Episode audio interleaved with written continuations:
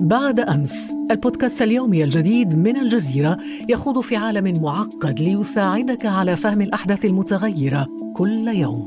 دائما ممتع دائما راهن دائما هناك. لا تنتظر حتى الغد واستمع اليوم إلى بودكاست بعد أمس. معي أنا خديجة بن جنة.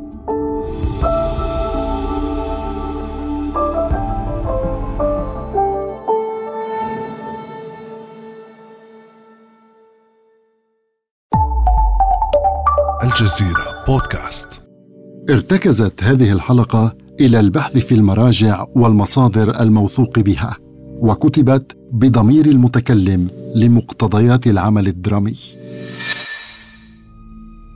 أبعدوه من هنا لا أريده في قرطبة لا أريد رؤية هذا المرتد بعد اليوم. أبعد كل من ينطق بعلومه وفلسفته. أحرق كل كتبه التي يتحدث فيها عن هذه العلوم. كلها كلها. هذا ملك دولة الموحدين في الأندلس.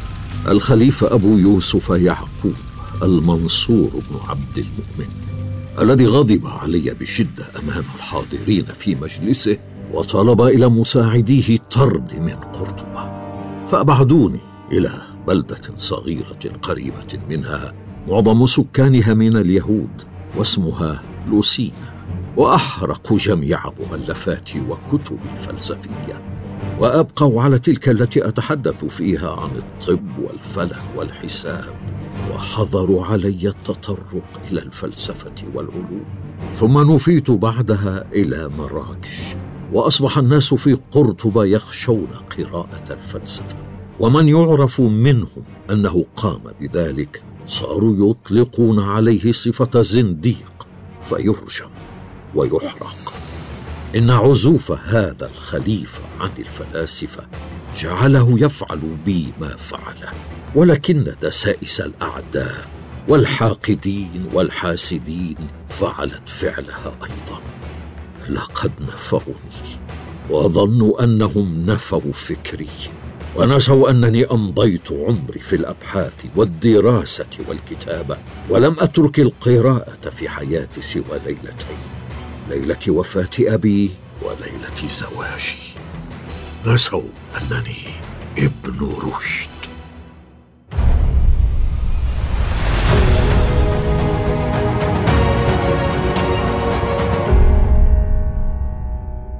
أهلا بكم متابعينا الأعزاء في حلقة جديدة من بودكاست رموز من الجزيرة. أقدمها إليكم أنا جهاد حيث يحدثكم ابن رشد بصوتي ويخبركم عن علمه وفلسفته وفقهه وما أضافه على الطب وعن مراحل حياته التي لم تكن سهلة. ولن أكون وحدي في هذه الحلقة. سترافقني سيلينا. أسعدتم أوقاتا أيها الأصدقاء. ابن رشد اسم حمل الكثير من فكره وإنجازاته إلى الحضارة الإسلامية. فرافقوني لنسلط الضوء عليه من مختلف الجوانب. أنا اسمي أبو الوليد محمد بن أحمد بن رشد الأندلسي. اشتهرت بلقب ابن رشد الحفيد لأنني أحمل الاسم ذاته الذي يحمله جدي وسماني الإفرنج أفيرويس. ولدت في قرطبة عام 1126 وهو العام الذي توفي فيه جدي الذي كان قاضي القضاة في هذه المدينة. فأنا أتحدر من أسرة مشهورة بالفضيلة وذات أصول عربية عريقة. وعندما ولدت كانت الاضطرابات تعم الأندلس مع قيام دولة الموحدين فيها. لكن هذا الأمر لم يقف عائقا أمام تعليمي حيث تلقيت الدراسة التقليدية التي كانت معتمدة رسميا في الأندلس. فدرست القرآن الكريم واللغة العربية وحفظت الحديث ثم درست الفقه والعقيدة والشريعة الإسلامية التي استحوذت على اهتمامي. وربما هذا ما دفعني لاحقا إلى الاشتغال في الفلسفة العربية والإسلامية. وعدا أنني كنت حافظا القرآن الكريم بأكمله فقد حفظت أيضا ديواني المتنبي وأبي تمام حيث كنت أكثر من إنشاد أبيات قصائدهما. قد يستغرب بعضهم ذلك ولكن العلم بالنسبة إلي هو أساس حياتي فاهتممت به منذ الصغر حتى إنني استخدمت نحو عشرة آلاف ورقة كمسوده وكتابة ملاحظات عليها. وأصبحت من أهم علماء عصري. فنلت شهرة واسعة في مجال العلوم الفلسفية والطبية واستطعت أن أبرع في علم الفلك والرياضيات والنحو واللغة. ولم أكن فيلسوفا وطبيبا فقط بل كنت أيضا كجدي قاضي القضاة.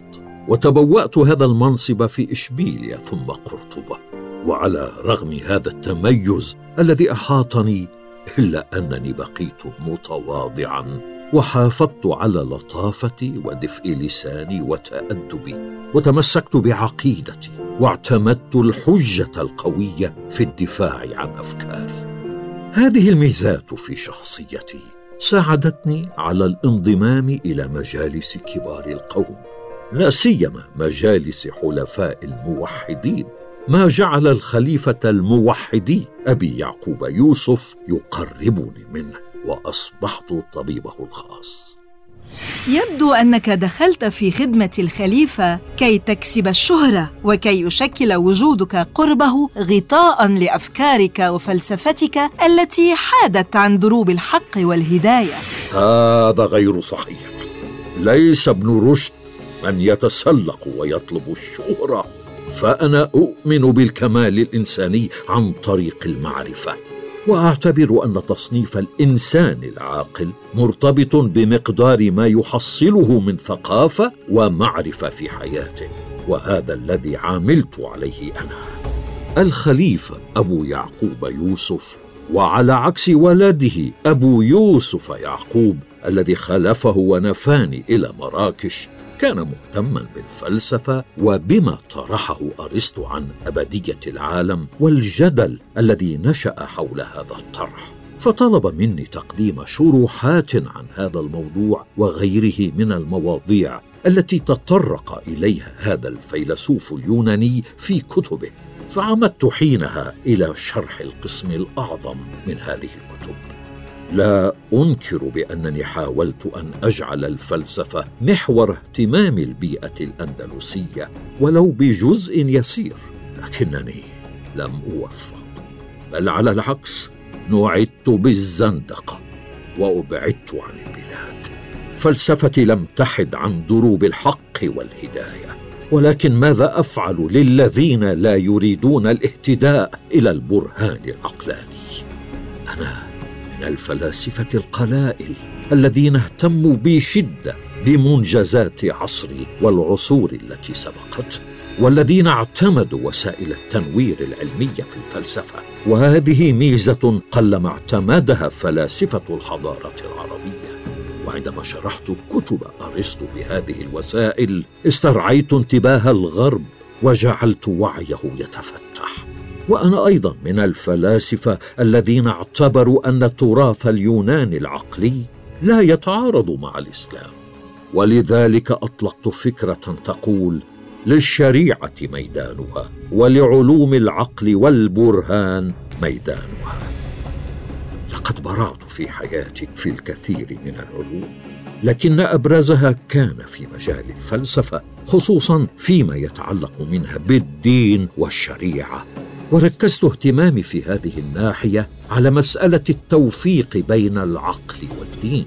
لا سيما أن العالم كان بحاجة في ذلك الوقت إلى تسليط الضوء على هذه القضية. لكن الكثيرين وقفوا في وجه هذه الفلسفة وحاولوا تحريمها إلى حد تكفير من يطرحها ويمارسها ولم تكن حججهم جديدة في ذلك. بل اكتفوا بحجة التمسك بثوابت الإيمان من خلال التوجه نحو الكتاب والأحاديث من دون سواها. نعم. نعم نفيت بسبب فلسفتي ولكن أفكاري حول ضرورة الوصل بين العقل والدين كانت حاسمة وإيماني بأن لا تناقض بين عقيدة الإنسان وعقله كان قويا. وتعترف اذا أنك حدت عن الكتاب والأحاديث؟ من الجيد أنهم اكتفوا بنفيك من قرطبة ولم يعدموك. لا يا سيلينا لا لم يصل الأمر إلى هذا الحد. وكأنك تقولين لي إنني كافر وأنا لست كذلك. الفلسفة جائزة وواجبة والتفكر ليس ممارسة. حرمها النص بل على العكس. ألم تقل الآية الكريمة؟ بسم الله الرحمن الرحيم. ادع إلى سبيل ربك بالحكمة والموعظة الحسنة وجادلهم بالتي هي أحسن. صدق الله العظيم. يوجد الكثير من الآيات التي توجب علينا استخدام العقل. والله سبحانه وتعالى حثنا على هذا الأمر. ففي سورة البقرة قوله تعالى بسم الله الرحمن الرحيم. كذلك يبين الله لكم الآيات لعلكم تتفكرون. صدق الله العظيم. وفي سورة آل عمران قوله بسم الله الرحمن الرحيم. الذين يذكرون الله قياما وقعودا وعلى جنوبهم ويتفكرون في خلق السماوات والأرض. صدق الله العظيم. أنا لم أتوجه بالفلسفة التي اعتمدتها إلى الناس العاديين لقناعتي بأن ذلك قد يدفعهم إلى طريق الضلال. ولكنني توجهت إلى أولئك الذين يملكون الحكمة والعقل كي يتفهموا المعاني الأساسية مما أطرحه والتي أكد عليها الله سبحانه وتعالى. لا يمكن إقناع كل الناس بالطريقة ذاتها فلكل واحد قدرات عقلية مختلفة. ولذلك فإن الأشخاص العاديين الذين يؤمنون بالظاهر فقط لا يمكن التوجه إليهم إلا عبر الأساليب الخطابية بينما يمكن اعتماد الجدلية مع أولئك الذين لديهم معتقدات يدافعون عنها وليس باستطاعتهم إدراك الباطن. أما الأساليب البرهانية فهي عادة تطال نسبة قليلة من الناس. وهم من أصحاب العقول المستنيرة والعالمة. العقل العقل يا سيلينا حقيقة ذاتية خارجة عن الإنسان. ولعل رد العقلاني على ما كتبه أبو حامد محمد الغزالي في كتابه تهافت الفلاسفة أي تساقط أوراقهم هو أكبر دليل على ما ذكرته. فهذا الكتاب ترك اثرا سلبيا على الفكر الإسلامي حيث اعتبر فيه العالمان ابن سينا والفارابي منحرفين عن الصراط المستقيم وتم تكفيرهما مع كل من انتهج نهجهما. لذلك جاء ردي عليه من خلال كتاب أسميته تهافت التهافت. هذا كتاب من عشرات المؤلفات لك وقد عرضت محتواه بطريقة عقلانية كما ذكرت. ماذا عن باقي مؤلفاتك؟ مؤلفاتي متنوعة ومقسمة إلى أربعة أقسام. قسم للمصنفات الفلسفية والعملية وآخر للشروحات والمصنفات الطبية وقسم ثالث للكتب الفقهية والكلامية. أما الرابع فهو للكتب الأدبية واللغوية. لقد وفقني الله سبحانه وتعالى بتأليف مائه وثمان كتب وكتبت أيضا العديد من المقالات وشرحت الكثير من النصوص ولكنني اهتممت أكثر بشرح تراث أرسطو واعتمدت بذلك على ثلاثة أنماط.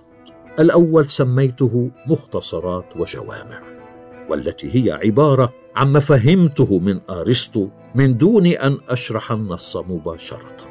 والنمط الثاني سميته تلاخيص وهي عبارة عن شروح صغيرة والثالث عبارة عن شروح كبيرة فيها إسهاب. لقد أمضيت حياتي في البحث والتأليف وأشهر كتبي بداية المجتهد ونهاية المقتصد وهو كتاب في أصول الفقه وكتاب فصل المقال وتقرير ما بين الشريعة والحكمة من الاتصال وهو تأصيل لشرعية الفلسفة.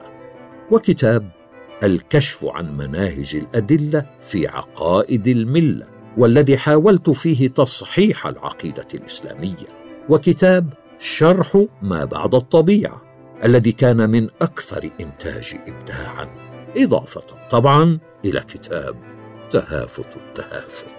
ولي مؤلفات متعددة في أصول الطب ولخصت كتبا لجالينوس حملت عناوين مهمة مثل المزاج والتعرق والقوى الطبيعية والعلل والأعراض والأدوية المفردة ومقالات في نوائب الحمى وفي الترياق.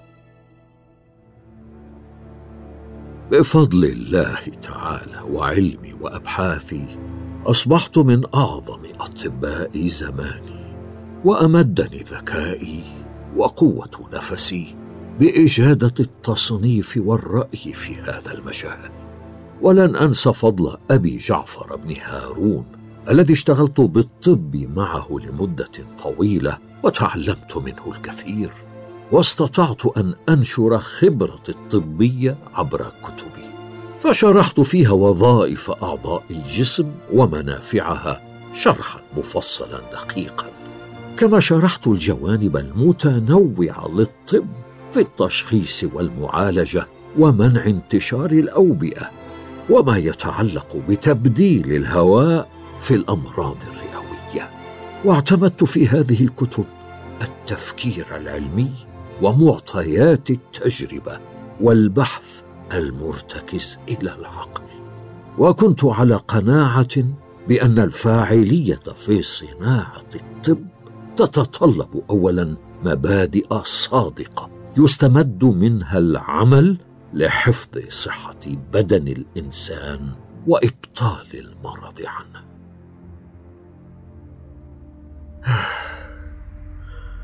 الحمد لله.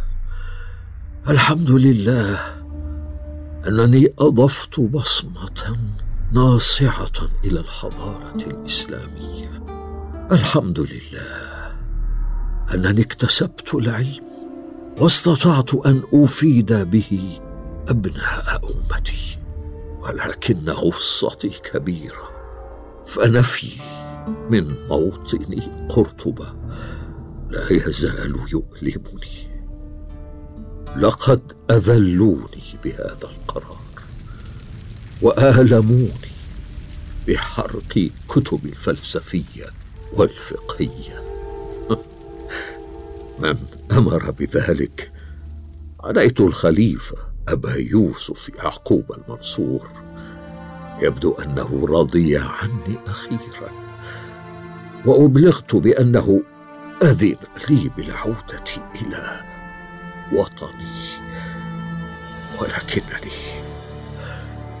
ولكنني أشعر بالضعف وعدم قدرتي على مغادرة مراكش والسفر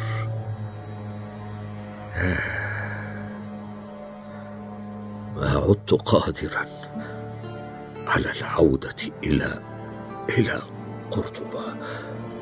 وأشعر أن المنية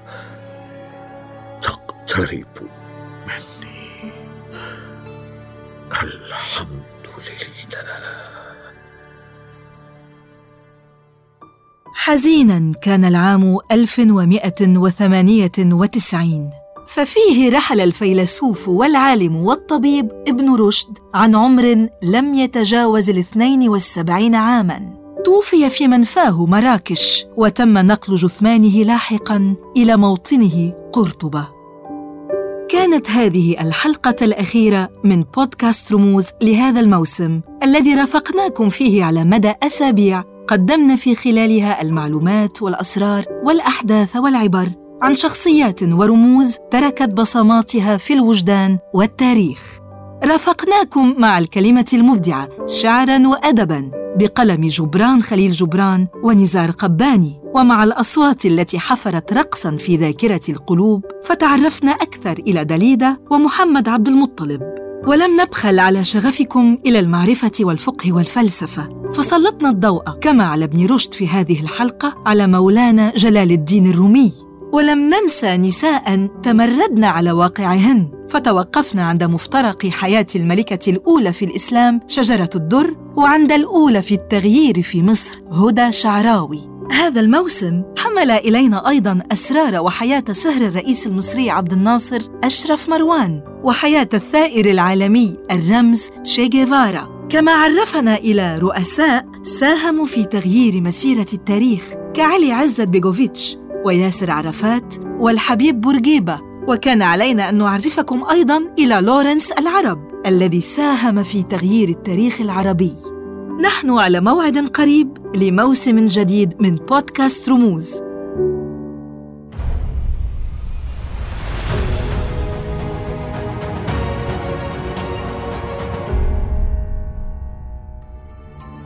يمكنكم الاستماع إلينا عبر جوجل بودكاست أو أبل بودكاست أو ساوند كلاود. فقط ابحثوا عن الجزيرة بودكاست. كما لا تنسوا مشاركة هذه الحلقة وزيارة موقعنا على الإنترنت podcast.aljazeera.net كان معكم جهاد. وسيلينا من بودكاست رموز من الجزيرة. إلى, إلى اللقاء. بعد أمس البودكاست اليومي الجديد من الجزيرة يخوض في عالم معقد ليساعدك على فهم الأحداث المتغيرة كل يوم. دائما ممتع دائما راهن دائما هناك. لا تنتظر حتى الغد واستمع اليوم إلى بودكاست بعد أمس. معي أنا خديجة بن جنة.